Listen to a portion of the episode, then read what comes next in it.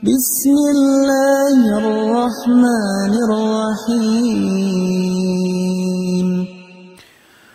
Beliau lahir di tahun lahir ini tidak disebutkan tahunnya tapi tahun wafatnya itu disebutkan tahun 36 Hijriah. Tentu khilaf di antara ulama tentang umurnya ya. Kalau kita baca di buku-buku, kadang-kadang mungkin kita sempat kaget melihat ya, karena ada sebagian buku menukil cukup jauh umurnya. Ada yang mengatakan umur Salman mencapai 350 tahun. Ada juga yang mengatakan 250 tahun. Termasuk Imam Al-Zahabi rahimahullah pernah menyebutkan itu. Tapi Imam Al-Zahabi meluruskan di buku yang lainnya, bahwasanya itu adalah sesuatu dinukil yang tidak punya sanad. Maka beliau mengatakan umur yang tepat adalah sekitar 70 tahunan pada saat wafat radhiyallahu anhum. Baik kita akan mulai teman-teman sekalian dengan kisah bagaimana seorang pencari kebenaran ini memulai hidupnya. Setelah pembebasan Mada- Madain, ibu kota Persia di zaman Umar bin Khattab dan kebetulan Salman Al-Faris salah satu dari prajurit atau kesatria utamanya Umar bin Khattab radhiyallahu anhu ajma'in. Maka dia pun memiliki sebuah tempat di sana Kemudian di depan rumahnya dia bercerita. Dikelilingi oleh banyak sahabat dan juga tabi'in. Ridwanullahi alaihim dan mulailah dia menceritakan kisahnya yang luar biasa. Dan ada alasan kenapa dia menceritakan kisah-kisahnya. Kadang-kadang dia ditanya oleh para sahabat, kadang-kadang juga memang dia menceritakan secara langsung. Dan dia menjelaskan, di antara kisah atau riwayat yang akan kita sebutkan nanti adalah riwayat yang diceritakan Salman Al-Farisi kepada sahabat Nabi yang lain Abdullah bin Abbas radhiyallahu anhu. Dan itu Ibnu Abbas tidak menanyakan tapi Salman menceritakan. Dan beliau mengatakan kepada Ibnu Abbas, ketahuilah aku pernah menceritakan kisah ini kepada Nabi SAW dan beliau menyuruh aku menceritakan kepada orang-orang. Dan beliau suka cerita ini diceritakan. Karena memang cerita ini cukup unik. Tidak ada sahabat yang melalui masa hidup seperti Salman Al-Farisi radhiyallahu anhu majma'in yang dalam mencari kebenaran, khusus masalah mencari kebenaran. Saya akan bacakan riwayatnya cukup panjang, tapi memang perlu kita ketahui masalah ini. Salman berkata kepada Abdullah bin Abbas radhiyallahu anhu majma'in dan juga kepada sahabat-sahabat Nabi yang lain yang ikut ke Persia pada saat itu dengan beberapa tabi'in. Aku adalah seorang lelaki Persia dari penduduk Asfahan. Jadi ada wilayah sampai sekarang masyhur kota Asfahan. Tepatnya penduduk salah satu kampung Asfahan yang bernama Ji. Seperti itu saja, JI ya. Ayahku adalah kepala kampung di situ atau kepala suku dan aku adalah makhluk Allah yang paling dicintainya. Begitu besarnya cintanya kepadaku sampai-sampai ia mengurungku di rumah, layaknya seorang gadis perawan yang dipingit. Lalu aku bersungguh-sungguh dalam mempelajari agama Majusi, penyembah api. Hingga menjadi orang yang mengurusi api sesembahan dan menyalakannya, tanpa membiarkannya padam walau sesaat pun. Dan ayahku memiliki lahan yang besar. Sampai sini saya tanggapi dulu. Jadi sebagian buku juga menukil kalau ayahnya Salman memang adalah pendetanya Majusi.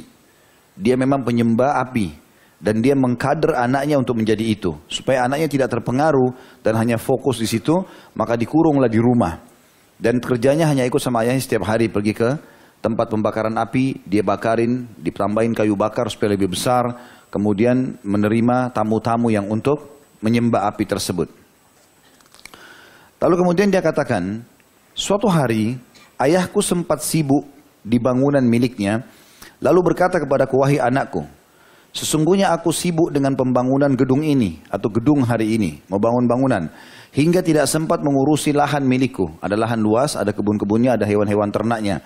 Pergilah ke sana, tengoklah. Pertama kali ayahnya Salman suruh Salman keluar. Biasanya cuma ke tempat lain. Biasanya cuma dari rumah ke tempat sembahan api. Itu saja kerjanya. Dikawasi sama ayahnya ketat sekali. Dari pagi keluar ditemani terus sampai pulang lagi ke rumah ditemani terus. Baru kali itu pertama kali dia dibolehkan oleh ayahnya untuk menengok lahan. Ya. Lalu ia menyuruhku mengurusi sebagian apa yang diinginkannya di sana.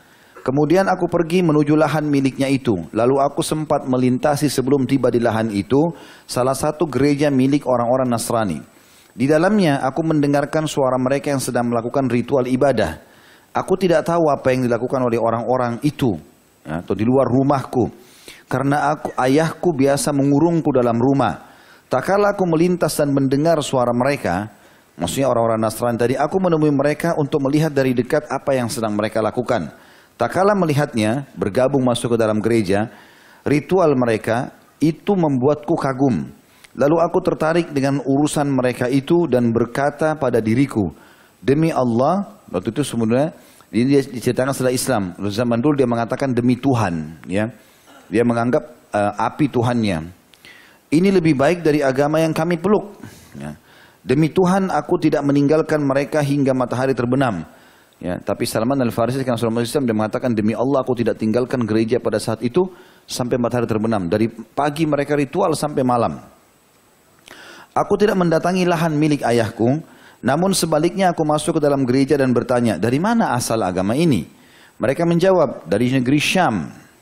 Nah, negeri Syam empat negara, sekarang Jordania, Palestina, Lebanon, dan Syria. Dulu Syam. Kemudian aku kembali menemui ayahku, sementara ia telah mengirim orang untuk mencari aku. Aku telah membuatnya sibuk hingga ia meninggalkan seluruh pekerjaannya. Maksudnya gara-gara Salman hilang jejak, maka ayahnya sibuk dan mencarinya. Tak kala datang menemuinya, ia berkata, Duhai anakku, dari mana saja engkau? Bukankah aku telah memerintahkan kepadamu melakukan apa yang telah aku perintahkan itu? Kan aku suruh kamu ke lahan, urusin dan itu. Kenapa kamu buat yang lainnya? Lalu aku berkata, wahai ayahanda, aku melintasi orang-orang yang melakukan ritual ibadah di gereja. Aku tertarik melihat apa yang mereka lakukan dalam agama mereka. Demi Tuhan, aku masih di tengah-tengah mereka hingga matahari terbenam. Ya. Ia berkata, Duhai Ananda, tidak ada kebaikan pada agama itu. Agamamu dan agama nenek moyangmu itu lebih baik darinya. Aku berkata, sekali-kali tidak. Demi Tuhan, ia adalah lebih baik dari agama kita. Ya. Jadi pada saat itu perlu juga diketahui orang-orang penyembah majusi ini kerjanya datang ke dekat api, kemudian mereka melemparkan sesuatu ke dalam api sebagai korban, apa saja, hewan hidup lah, uang lah, emas, pokoknya mereka begitu ritualnya. Lalu kadang-kadang mereka mengelilingi api tersebut, lalu kemudian mereka memberikan sesuatu pada pendeta, lalu mereka pulang. Seperti itulah. Dan tidak ada sesuatu yang mereka rasa uh, ini apa, tidak ada tidak ada bekas keimanannya. Ya, tidak jelas Tuhan ini siapa, apalagi api tersebut setiap hari harus ditambah kayu bakar supaya membesar. Kalau tidak maka dia akan padam dengan sendirinya. Dan itu yang dianggap Tuhan. Makanya Salman radhiyallahu anhu mengatakan agama mereka lebih baik daripada agama kita. Gitu. Kata Salman, lanjutannya adalah, lalu ayah mengkhawatirkanku akan lari pergi ke gereja itu lagi. Maka ia mengikat kakiku, kemudian mengurungku di rumahnya. Aku mengutus seseorang untuk menemui orang-orang Nasrani itu.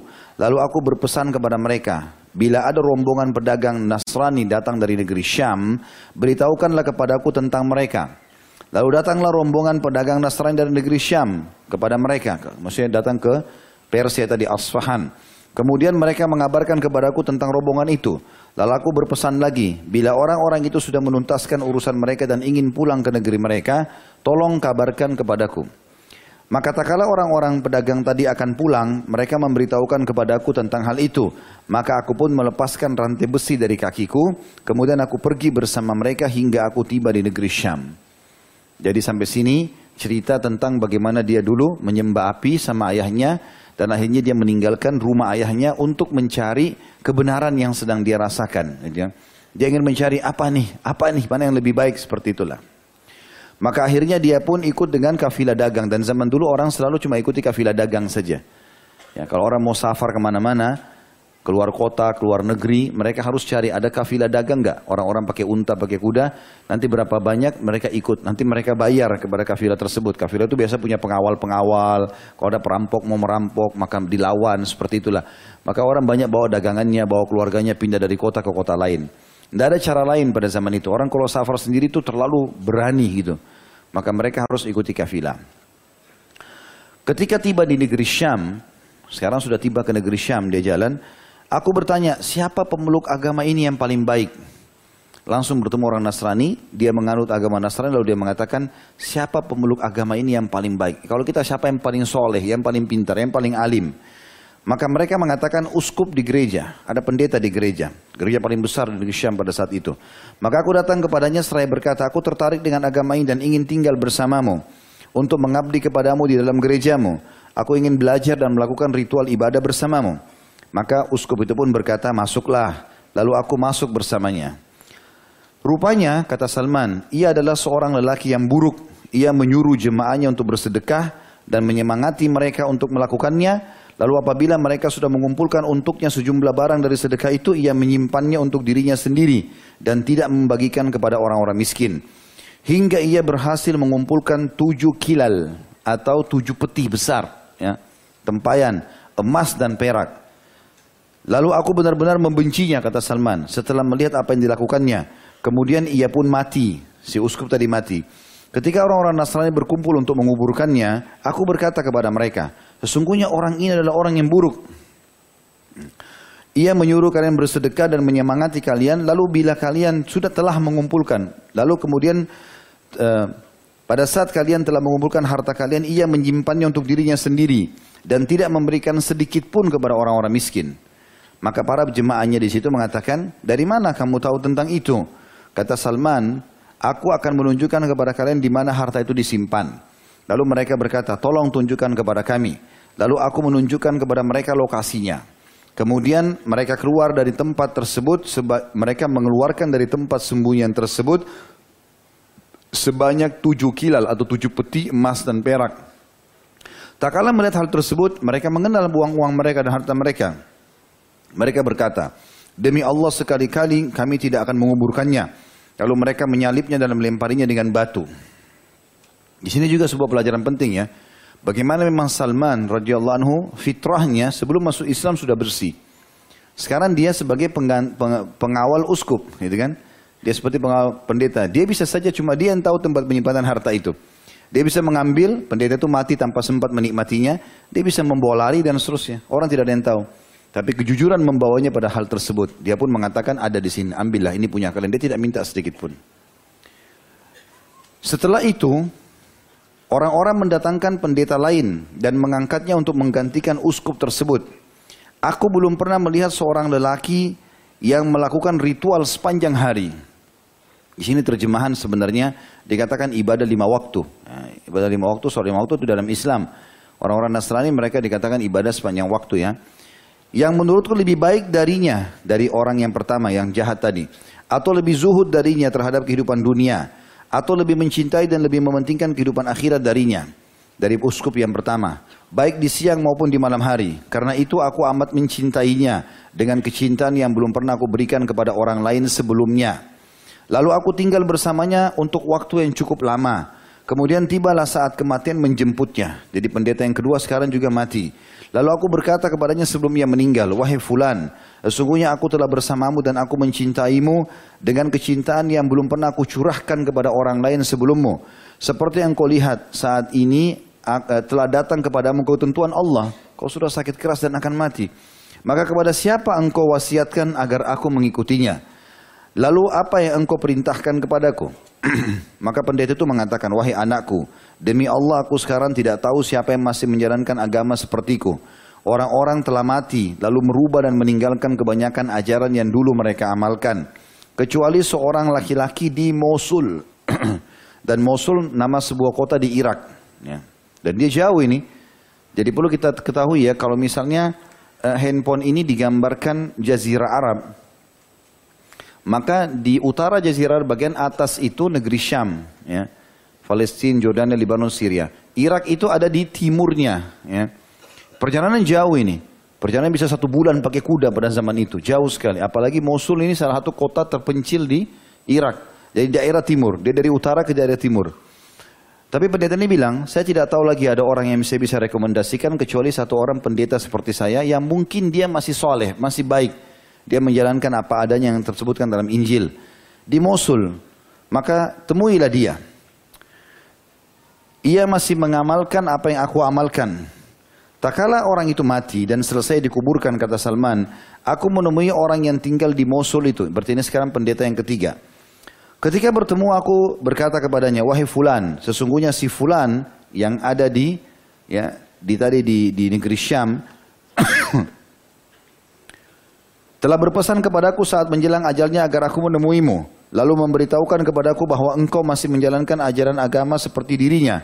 Orang itu berkata kepadaku, tinggallah bersamaku. Maka aku pun tinggal bersamanya. Aku mendapatinya sebagai sebaik-baik orang yang masih menjalankan ajaran agama sebagaimana temannya. Berarti pendeta kedua baik seperti pendeta yang eh, pendeta ketiga sama dengan pendeta kedua. Yang satu tadi kan memang jahat mengambil orang-orang gitu ya.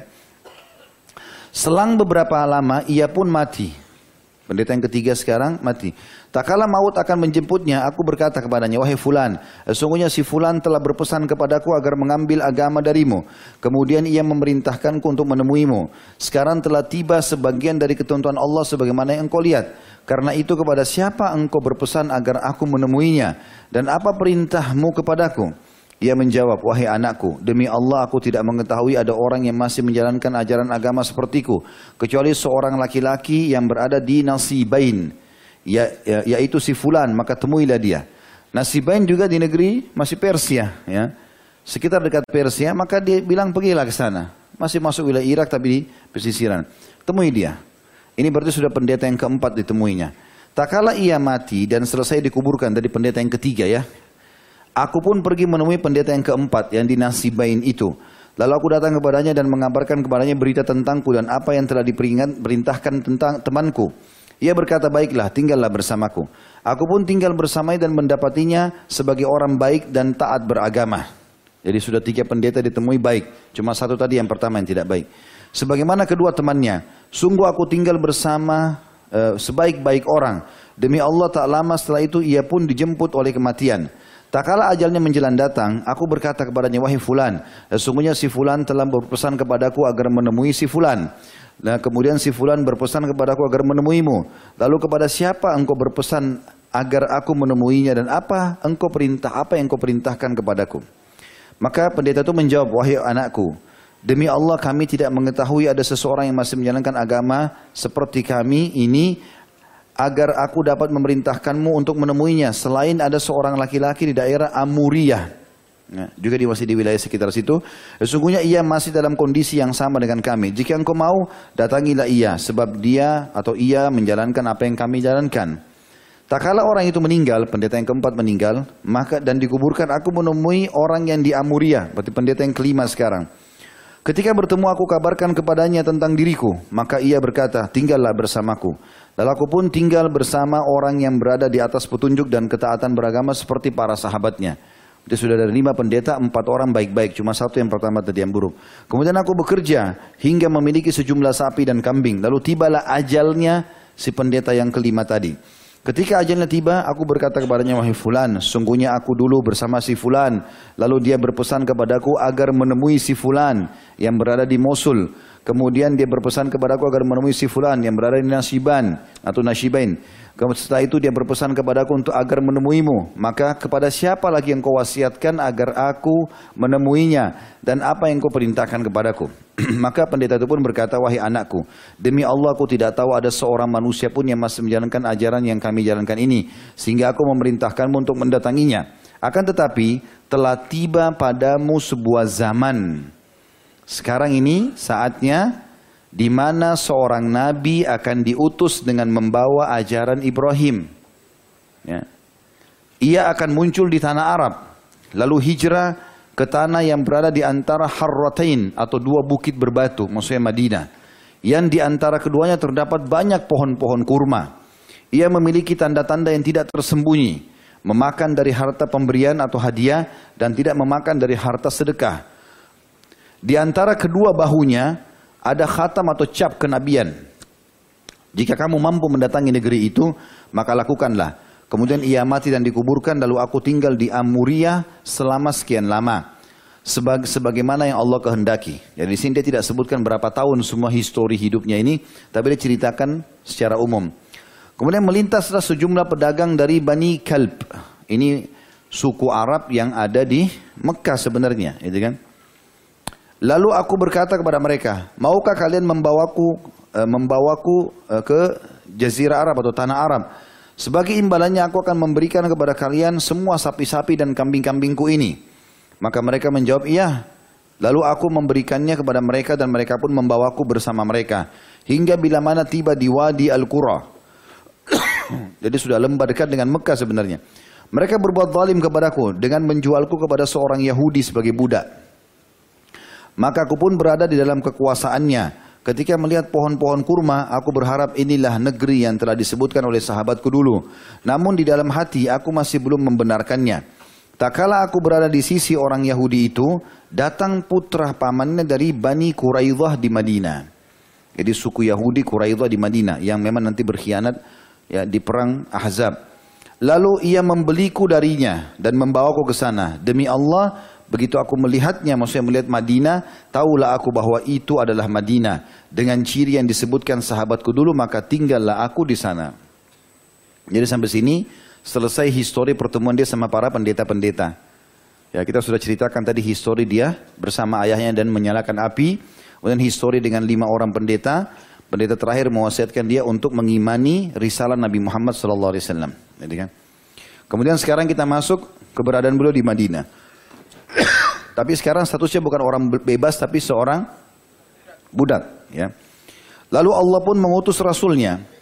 Beliau tinggal di Mekah beberapa lama. Aku tidak mendengar tentangnya karena kesibukanku sebagai seorang budak. Kemudian beliau hijrah ke Madinah. Demi Allah, aku sedang berada di atas pucuk tandan pohon kurma milik majikanku. Karena tengah mengerjakan sebagian pekerjaan. Sementara ia sedang duduk, majikannya duduk di bawah pohon.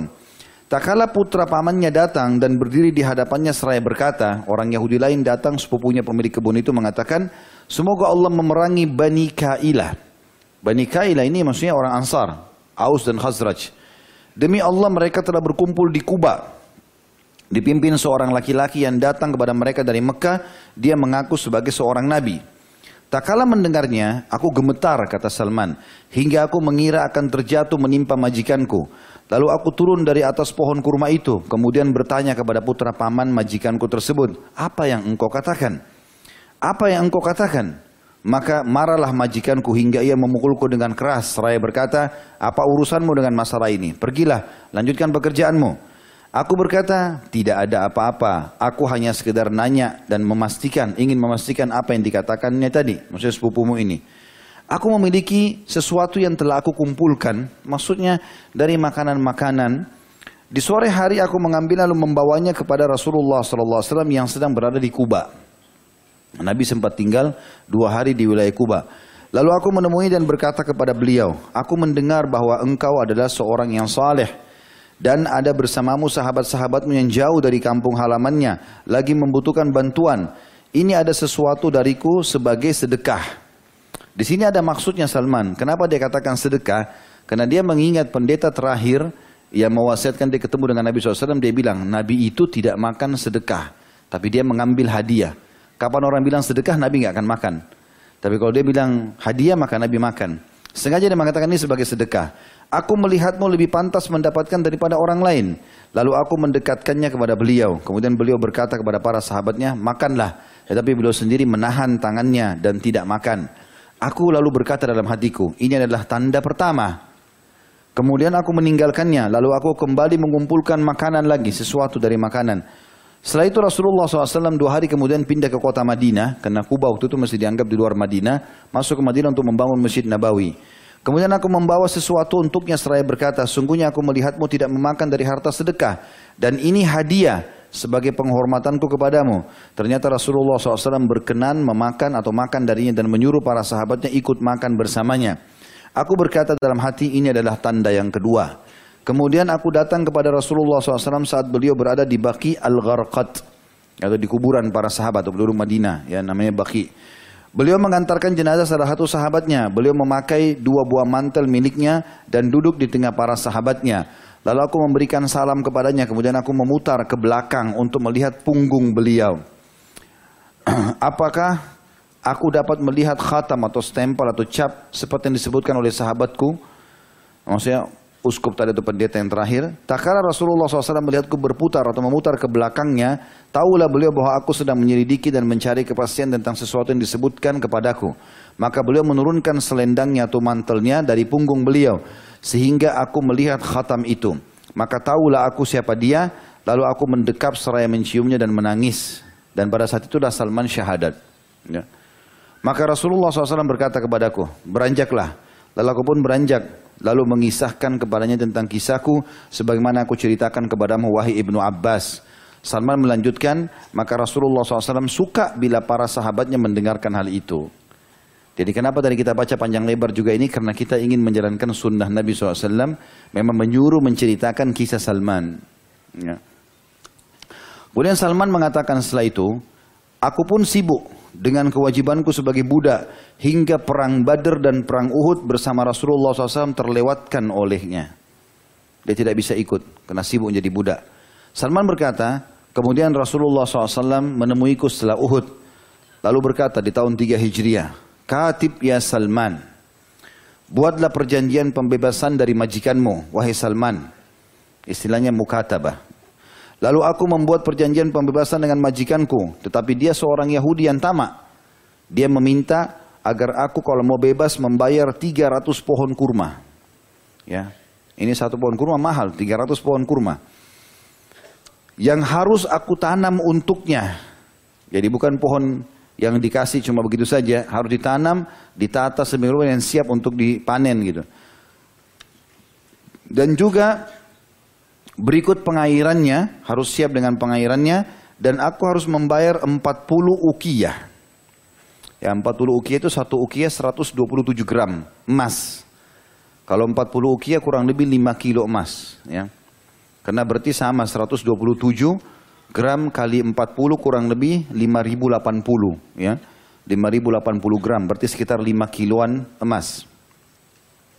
Lalu Rasulullah SAW, Allah aku sampaikan kepada Nabi SAW dan Rasulullah SAW berkata kepada para sahabatnya, bantulah saudara kalian ini. Maka mereka para sahabat rame-rame membantuku dengan pohon kurma. Ada yang menyumbang 30 bibit kurma siap tanam. Ada 20, ada 15 dan ada yang menyumbang 10. Masing-masing orang sesuai dengan kemampuannya. Hingga terkumpullah untukku 300 bibit pohon kurma. Maka Rasulullah SAW berkata, Idhab ya Salman, fafakkir laha, faida faradta fa'tini akunu ana awa'uha biyadayya. Pergilah menggali lubang untuk pohon-pohon itu, hai Salman. Ajak beberapa orang sahabat ini. Bila telah selesai, selesai kalian gali, ya, nanti aku, kata Nabi SAW, yang datang menancapkan sendiri dengan tanganku. Pohon-pohon kurma itu. Karena tadi kan syaratnya Yahudi 300 pohon harus yang layak untuk dipanen nantinya. Begitu ditancap harus subur. Ya, jadi Salman akan bebas kalau pohon itu menjadi subur dan siap nanti untuk berbuah. Lalu aku menggali lubang untuk pohon-pohon itu, sedang para sahabat membantuku. Hingga bila aku telah selesai mengerjakannya, aku datang kepada beliau lalu mengabarkan kepadanya, kepada Nabi SAW. Maka Rasulullah SAW keluar bersamaku ke tempat pohon-pohon itu. Lalu kami mendekatkan kepadanya bibit-bibit pohon kurma. Kemudian Rasulullah SAW meletakkannya di dalam lubang dengan tangannya sendiri. Alaihissalam. Ini terjadi mukjizat ya. Karena Nabi SAW diiringi dengan mujizat yang cukup banyak. Di antara mujizat Nabi SAW adalah berbuahnya 300 pohon kurma yang diniatkan Salman untuk membebaskan diri dari keterbudakan. Kata Salman, demi zat yang jiwa Salman berada di tangannya, maksudnya demi Allah, tidak satu pun dari bibit pohon-pohon itu yang mati. Dengan begitu, aku telah menjalankan perjanjian menanam pohon kurma dan tinggallah masalah uang. Setelah itu, tadi kan diminta uang 40 ukia ya. Satu ukia sekitar 127 gram emas. sekitar 5080 gram emas, jadi 5 kiloan lebih sekian. Setelah itu Rasulullah SAW datang membawa emas seperti telur ayam besarnya dari rampasan perang, salah satu peperangan. Lalu berkata, apa yang dilakukan orang Persia yang mengadakan perjanjian pembebasan? Nabi SAW tanya kepada para sahabatnya. Lalu aku dipanggil oleh para sahabat beliau untuk hal itu. Dan beliau berkata, ambillah ini dan bayarlah kewajibanmu wahai Salman. Maka aku berkata, wahai Rasulullah, apa apakah ini bisa dibandingkan dengan kewajiban hutang yang harus aku tunaikan? Karena e, emas seperti telur ayam kecil yang dia harus bayar 5 kilo. Ya paling berat pun kalau sangat berat dengan seberat itu paling setengah kilo ya. Ini harus 5 kilo. Maka Salman heran, ya Rasulullah, apa bisa ini membayar e, uh, 40 ukiah emas tadi? Maka Nabi SAW mengatakan, ambillah. Sesungguhnya Allah yang maha suci dan maha pemurah akan menyelesaikan kewajibanmu. Lalu aku mengambilnya kemudian menimbang sebagian untuk mereka. Demi zat yang jiwa Salman berada di tangannya. Emas itu tiba-tiba senilai dengan 40 ukiah. Jadi emas itu belum pernah ada emas sekecil itu, ukurannya 5 kilo. Tapi pada saat ditaruh di timbangan oleh Yahudi, menjadi empat, eh, menjadi lima kilo sebagai mujizat dari Nabi SAW. Maka aku bayar lunas hak mereka, lalu aku pun dimerdekakan. Selanjutnya aku ikut serta dalam perang Khandak bersama Rasulullah SAW. Kemudian setelah itu tak satu pun peperangan terlewatkan olehku. Ini semua yang panjang lebar disebutkan oleh Imam Ahmad rahimahullah di dalam musnad beliau di jilid 5 halaman 441 dan Ibnu Sa'ad dalam kitab Tabaqat di jilid 4 halaman 53 dengan sanad hasan. Betapa hal itu kata penulis di sini merupakan perjalanan yang panjang dalam pencarian kebenaran dan hakikat. Lalu di sana semangat orang-orang yang mendapati kebenaran tepat di depan mata mereka, namun mereka berpaling darinya dan lebih memilih jalan lain. Artinya penulis ingin mengatakan di sini, sayangnya Salman saja sampai seperti itu. Dari penyembah api dan terhormat ayahnya kepala suku lalu meninggalkan pekerjaannya untuk mencari agama. Lalu negeri Syam numpang sama uskup sampai lima orang sampai meninggal semua. Lalu ke negeri eh, ke negeri Jazirah Arab untuk mencari Nabi SAW walaupun harus jadi budak. Dan seterusnya dan dia harus menebus dirinya bebaskan demi untuk mendapatkan kebenaran. Semua itu